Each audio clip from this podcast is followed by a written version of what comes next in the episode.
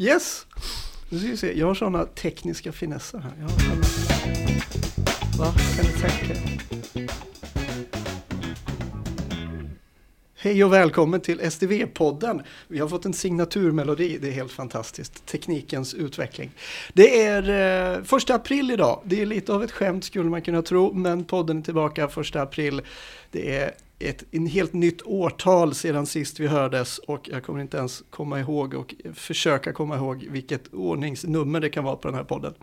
Eh, vi har två helt nya ansikten och röster idag. Skulle du vilja börja presentera dig Ingela? Ja, det gör jag så gärna. Så, Ingela Lidén heter jag eh, och jag är förvaltningschef eh, eller IT-direktör som det ibland kallas. Eh, och jag är ansvarig för digitalisering, IT och MT på Region Skåne. Sedan drygt 13 månader av mitt liv. Härligt. Och har vi ytterligare en gäst, Harald. Ja, och jag har ju varit i Region Skåne i, sedan 1977 eh, egentligen i olika roller. Eh, som ortoped, som chef för divisioner, för sjukhus och för förvaltningar. Men eh, nu sedan ett år är jag, eller drygt ett år, styrgruppsordförande för STV-projektet. Han som bestämmer med andra ord. Ingela, vad är din relation med STV? Min relation är ju att jag äger avtalet med den leverantören som levererar eh, all programvara och all IT kan man säga inom STV eh, som heter Sörner och är ett amerikanskt stort företag. Och på tal om det, vad har du gjort idag egentligen?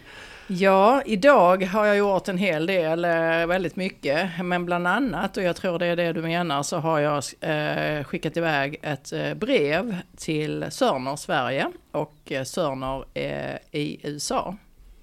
Och vad, vad, skriver du där? Jag skriver att eh, i det mötet som vi hade med dem i början av denna veckan eh, så, eh, så berättade de eh, om en del leveransproblem som de har. Och att vi behöver titta på en ny tidplan och vi behöver titta på helheten hur vi levererar. Och på det har jag svarat ett formellt brev och sagt att vi behöver ha ytterligare förtydligande av detta. Betyder det att, att projektet är hotat? Blir det inget SDV-projekt? Ska jag lägga ner podden igen? Det hoppas jag verkligen att vi inte behöver lägga ner podden och verkligen att vi inte behöver lägga ner STV heller. Därför att jag tror att eh, Skånes eh, hälsa och sjukvård eh, verkligen behöver eh, ett, ett nytt system med, med samlad data och en samlad bild som alla kan jobba med. Harald, är du bekymrad och orolig nu? Det är väl klart att eh, det här står ju för någonting. Eh, vi har ju skrivit eh, det här brevet för att, av en anledning och, och den anledningen är ju naturligtvis att vi inte är hundraprocentigt tillfreds med, med framdriften av projektet i det här skedet som är nu. Och, och, det tycker jag är oroväckande men det viktiga är ju nu då att vi har en konstruktiv och bra diskussion med vår leverantör vilket jag tycker att att vi ändå har. Eh, men det här brevet då förtydligar ju eh, våra önskemål på ett, eh, ett väldigt bra sätt. Så att jag är väl ändå förhoppningsfull att, att det ska kunna komma fram till bra överenskommelser mellan oss. Lite till mans får man väl säga. Hur svårt kan det vara med ett sånt här projekt? Det är ju bara ett det är bara lite pappersjournal som ska, eller? Nej. Ja men precis, alltså att eh, ersätta ett, en pappersjournal kan väl inte vara svårt. Nu var det ju faktiskt så att vi, vi har ju haft digital journal under ganska lång tid. Men just det, vi har haft en digital journal som egentligen utgår från en pappersjournal. Nu är det något helt annat. Vi utgår, det här är en helt annan lösning som är ett genomgripande grepp i hela sjukvården. där journaldelen eller dokumentations, dokumentationsdelen är en del. Men det är mycket annat eh, som ingår i detta. Framförallt är det ju att eh, det är processorienterat istället. Vilket bara det är en stor skillnad och som ställer väldigt stora krav på både systemet i sig men också de som ska hantera det. Men när det väl är på plats så är det ju enorma fördelar och information som flödar med och så vidare. Och att det sen också är kopplat till de sjukvårdsadministrativa systemen är, är då något som vi inte har haft innan. Vi ska vara medvetna om att eh, Och jag har ju jobbat med de här systemen i jättemånga år i min, i min roll, i, i olika roller i Region Skåne. Det är ju upp mot 50 system som egentligen kommer att kunna ersättas när vi väl är klara eh, med det här. Och, och det, det, är ju en grannlaga uppgift. Att det sen är dessutom en amerikansk leverantör som Ingela precis pratade om eh, ställer ju sina specifika krav. Eh, dels på arbetssätt men också faktiskt på eh, hur det är anpassat efter regelverk. Att det sen är en djungel med molntjänster och sånt. Det läser vi om dagligen i tidningen och det, det, det gör det väldigt svårt. Det var kanske något som inte jag hade funderat så mycket på innan jag började här men det har jag blivit oerhört varse. Mm. Och på tal om molntjänster, är, är det inte Ingela som styr allt IT ändå? Absolut, eh, you wish. Nej men eh, när det gäller molntjänster så är det ju jätteviktigt att man gör en ordentlig riskanalys eh, för att se vilka risker som finns och hur man faktiskt, när man hittar risker, att man kan mitigera dem. Och när man kommer fram till en, ett, en slutsats i den riskanalysen så måste man fatta ett beslut om man är beredd att ta den risken eller inte. Och man skulle ju alltid kunna önska sig noll i risk, noll IT-risk, noll risk för cyberattack, noll risk för patientrisk. Eh, men eh, det är väldigt svårt att komma till noll risk och jag har aldrig jobbat i någon verksamhet som har lyckats med det. Men det gäller att komma så långt ner som möjligt eh, till en som man tycker är hanterbar risk när det gäller detta. Eh, och i dagarna så har det ju dessutom nu kommit en ny sån här så kallad Privacy Shield-överenskommelse mellan eh, EU eh, och USA. Ehm, och det är vi alla väldigt tacksamma för och vi hoppas att, vi kan, att det kan bidra till att sansa denna debatten som på något sätt ehm, har eskalerat bara under den tiden som jag har varit på Region Skåne. Och det tycker jag är oroväckande därför att Eftersom jag jobbar med säker, eh, säkra IT-system, vi jobbar väldigt mycket med säkerhet och analyser kring det. IT-säkerhet, datasäkerhet, cybersäkerhet. Så är det ju så att jag råkar veta att de här systemen som finns är oändligt mycket säkrare än de on-prem system, så att säga, de som man driftade själv eh, förr i världen. Eh, och, och oändligt mycket säkrare än vi någonsin själva skulle kunna göra. Därför att de som levererar molnlösningar är ju proffs på det eh, och är också oändligt mycket bättre än vad vi är på att tillse säkerheten. Så moln, du pratade brev. Var, varför håller vi på med det här? Det verkar ju jättekrångligt. ja, alltså i min värld så håller vi på med det här därför att vi ska kunna leverera hälsa och sjukvård eh, i framtiden. Eh, jag tror att alla förstår att vi har en demografi i befolkningen som säger att vi, eh, många fler av oss, kommer att bli mycket äldre och leva mycket längre. Och då vill vi också leva bra.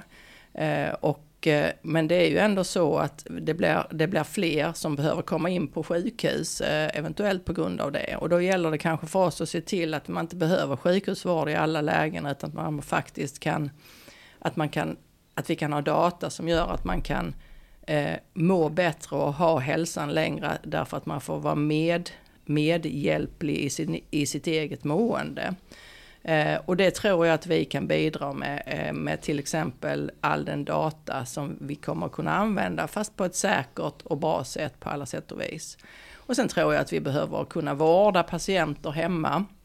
Eh, och då behöver vi molnlösningar för det, därför att det kommer att flöda jättemycket data emellan, eh, emellan Eh, om till exempel man ska kunna eh, övervaka, patientövervaka i hemmet, då måste ju den datan komma in till de som kan avläsa datan eh, och avgöra vad man behöver göra om man behöver göra någonting. Så därför tror jag det, därför att vi ska kunna må bättre i vårt samhälle allihopa. Mm. Vad, det här med tidplan, jag måste ändå fråga, är inte det rätt bra att ha det ändå i ett sånt här projekt? Harald? Det är en lite ledande fråga tycker jag. Jag hade önskat att vi hade en tidplan och att den låg väldigt nära i tiden. För att återknyta till det Ingela sa.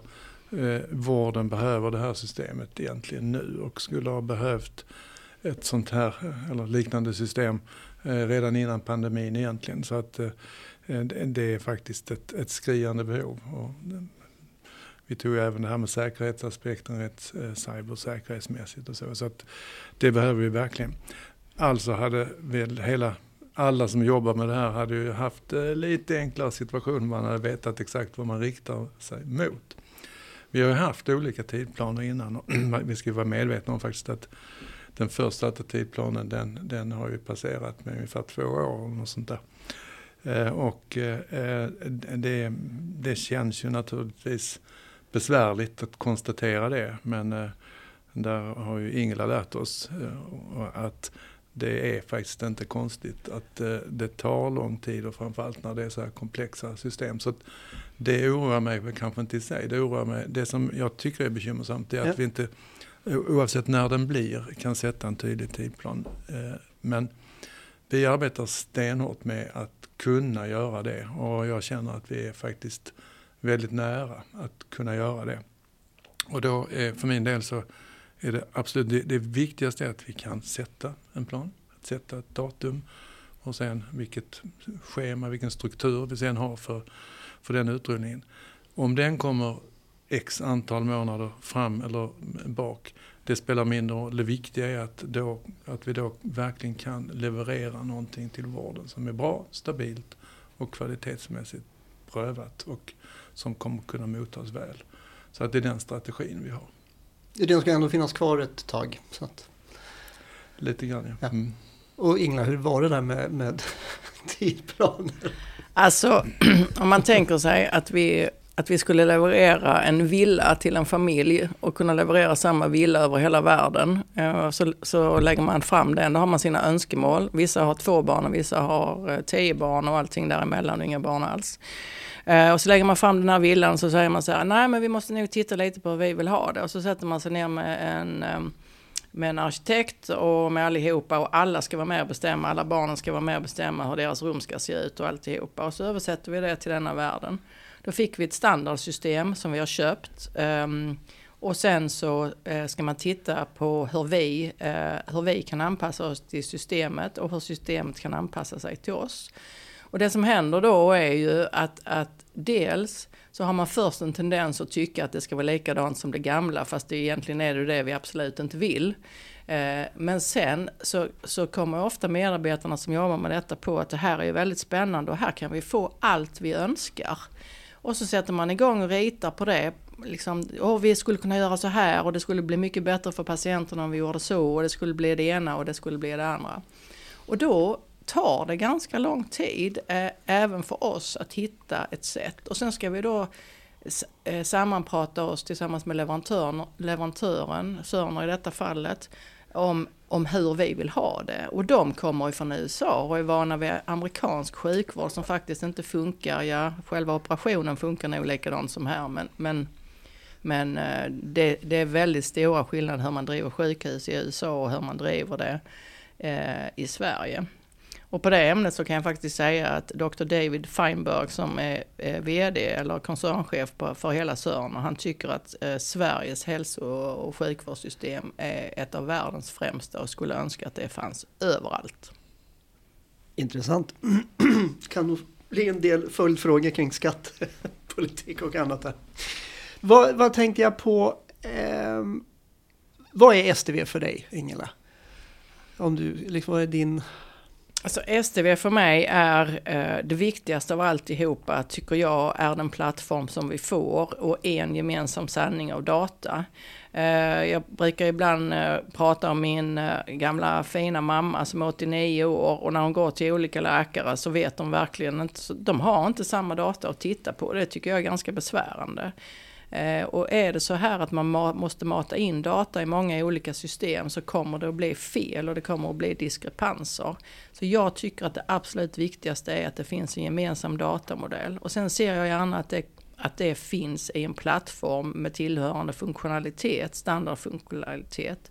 Men sen bör det också finnas inför framtiden möjligheter att koppla på ny funktionalitet som kommer kanske från samma leverantör eller från andra leverantörer. Vi har ju offentlig upphandling så vi upphandlar ju det som, som blir bäst för oss. Men att det finns på ett rimligt enkelt sätt att docka in och kan använda den datamodellen som, som någon som Sörner har ägnat mängder av manår för att komma på för att den ska bli bäst för sjukvården. Mm. Eh, vi ska runda av. Eh, vi har hållit eh, lyssnarna här i en, en hel kvart. Eh, Harald, har du några... Vad är din top of mind nu i projektet? Som Egentligen som avslutning så skulle jag vilja också kommentera vad STV är för mig. Om jag får göra det jättekort. Såklart. Och då måste jag säga att vi, jag kommer ju då från sjukvården själv och jobbat i sjukvården som chef för sjukvården. Jag har råkat eh, få vara patient vid några tillfällen också. Vi har eh, i Skåne och i Sverige en fantastisk sjukvård med otroligt hög kvalitet.